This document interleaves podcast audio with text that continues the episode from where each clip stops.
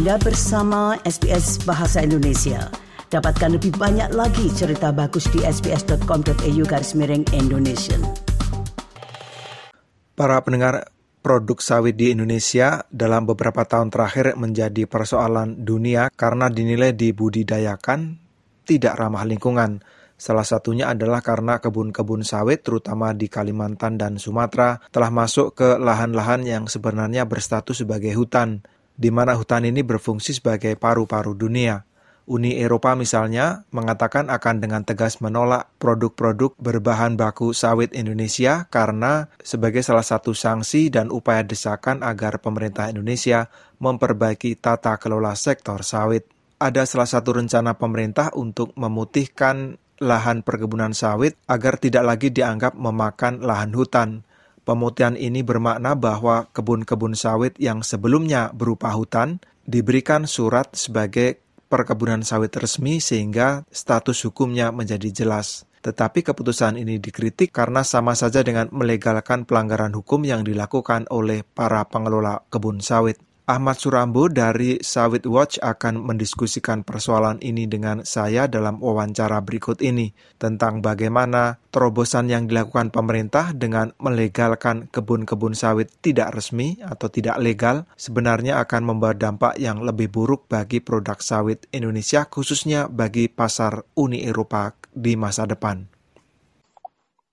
Makasih waktunya Pak akhirnya ada pemutihan itu berdasarkan Undang-Undang Cipta ya. Kerja. Ya, Alasannya ya. juga karena sawitnya nggak mungkin dicabut. Eh, komentarnya ya. gimana Pak? Ya, memang ini kan masalah yang sebenarnya dari zaman uh, eh, SBY ya, zaman uh, pemerintah yang lalu sebelum Jokowi ini sebenarnya masalah ini sudah timbul. Nah, sebenarnya kan kalau mau ditilik pemerintah juga sebenarnya ingin menyelesaikan dengan penegakan hukum untuk hal ini ya, untuk perusahaan-perusahaan yang sifatnya apa ya menggarap duluan sebelum uh, ada perizinan ataupun ada perizinan nggak lengkap terus menggarap gitu. Ini sebenarnya sudah ada aturannya, cuma waktu itu memang posisinya nggak pernah diselesaikan. Buying time gitu loh mas. Jadi uh, kalau lihat tuh ada PP 60 2012, zaman Jokowi diperbaiki lagi jadi PP uh, 114 104 2005, 2015 Nah, terakhir itu ya moratorium sawit yang impres nomor berapa nomor 8 tahun 2018 Bapak ini. Nah, itu kan menurut kita posisinya itu uh, pemerintah uh, dalam kerangka tertentu terlihat kayak apa Mas ya. Nggak punya cara lain selain pemutihan. Cuma kalau kita lihat kasus-kasus yang lain sebenarnya bisa kok Mas saya lihat nih, saya kasih tunjuk. Kasus Padang Lawas itu diselesaikan lewat penegakan hukum. Kasus yang kemarin yang uh, apa minyak goreng yang Wilmar segala macam itu yang uh, kena tangkap tangan itu juga diselesaikan lewat penegakan hukum. Nah menurut saya ini kan seperti kayak apa ya uh, tebang pilih begitu loh. Ini yang menurut saya tidak baik begitu karena kita sebenarnya sudah punya undang-undang uh, apa uh, pencegahan dan pemberantasan uh, perusakan hutan itu ada P3H. Nah harusnya mereka pemerintah konsisten saja dengan ini. Cuma memang untuk masyarakat yang untuk hajat hidup untuk hidup gitu dua hektar dua hektar itu perlu juga diselesaikan uh, lewat uh, mekanisme lain begitu mas yang sifatnya uh, apa uh, untuk hajat hidup orang banyak itu kan bisa lewat tora ataupun lewat perhutanan sosial. Jadi solusinya Gimana, uh, kalau kita mau menerapkan UU Cipta Kerja pasal 110 A dan B itu mestinya ke petani kecil ya ke rakyat, sawit rakyat, bukan ke korporasi.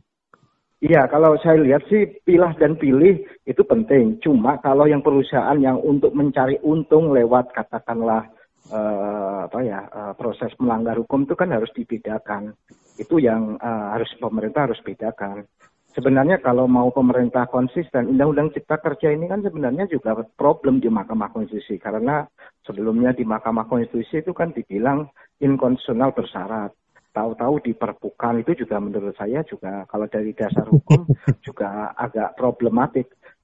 Seumpama nanti nih Mas, prosesnya sudah jalan, ternyata si M apa MK memutuskan tetap inkonstitusional bersyarat itu akan menjadi problem tersendiri juga jadi jangan menjawab problem dengan problem begitu. Hmm. Menurut saya tepati saja apa kata MK bahwa yang di awal itu dibilang unsur bersyarat diperbaiki dulu uh, syarat-syaratnya yang sesuai dengan uh, dibilang oleh si MK tidak boleh membuat satu kebijakan yang sifatnya strategis ataupun turunannya dan implementasinya.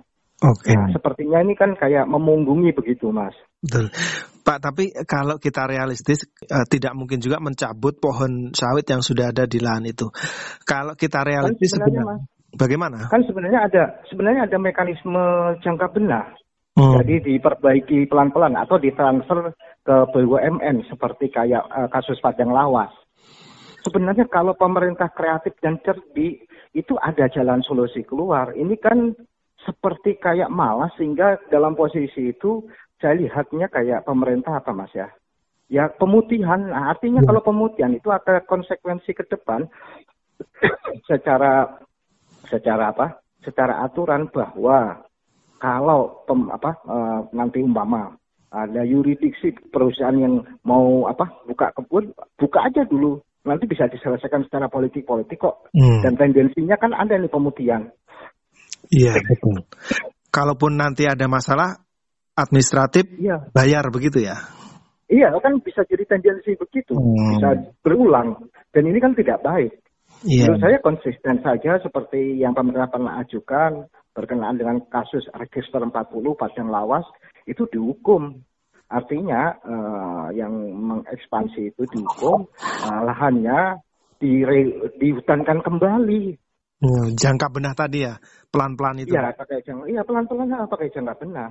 Kira-kira ini terakhir nih, Pak. Kira-kira ini pemerintah ini uh, mencari jalan pintas atau memang sudah lelah dengan persoalan yang tadi dibilang sudah sejak era SBY nggak selesai nih? Kayak kayaknya ini Mas, saya sih apa ini apa menduga ya gitu bukan berarti ini benar-benar serius perlu di cross check ya tadi uh, agak lelah kayaknya begitu. uh, uh. Yang ya, jelas ini ya. mestinya pakai jangka benah ya, bukan kemudian ya. di administratif ya, pakai, Iya, iya kalau memang itu kawasan hutan itu biasanya pemerintah biasanya dengan jangka benah dan kalau kasus pada kelas malah di apa diambil sama negara mas, terus hmm. dilakukan jangka benah begitulah dikelola BUMN perkebunan. Ya. Oke. Okay. Iya, begitu. Kalau ini ya untuk kasus yang di register 40 begitu. Oke, okay, siap. Terima kasih, Bang. Sukses. Para pendengar memutihkan kebun sawit atau menghapus pidana dari perusakan hutan yang dijadikan kebun sawit dinilai Ahmad Surambo dari Sawit Watch tidak tepat. Karena itu dia mengusulkan justru adanya upaya untuk mengambil kembali lahan-lahan perkebunan sawit yang sebelumnya adalah hutan untuk dihutankan kembali.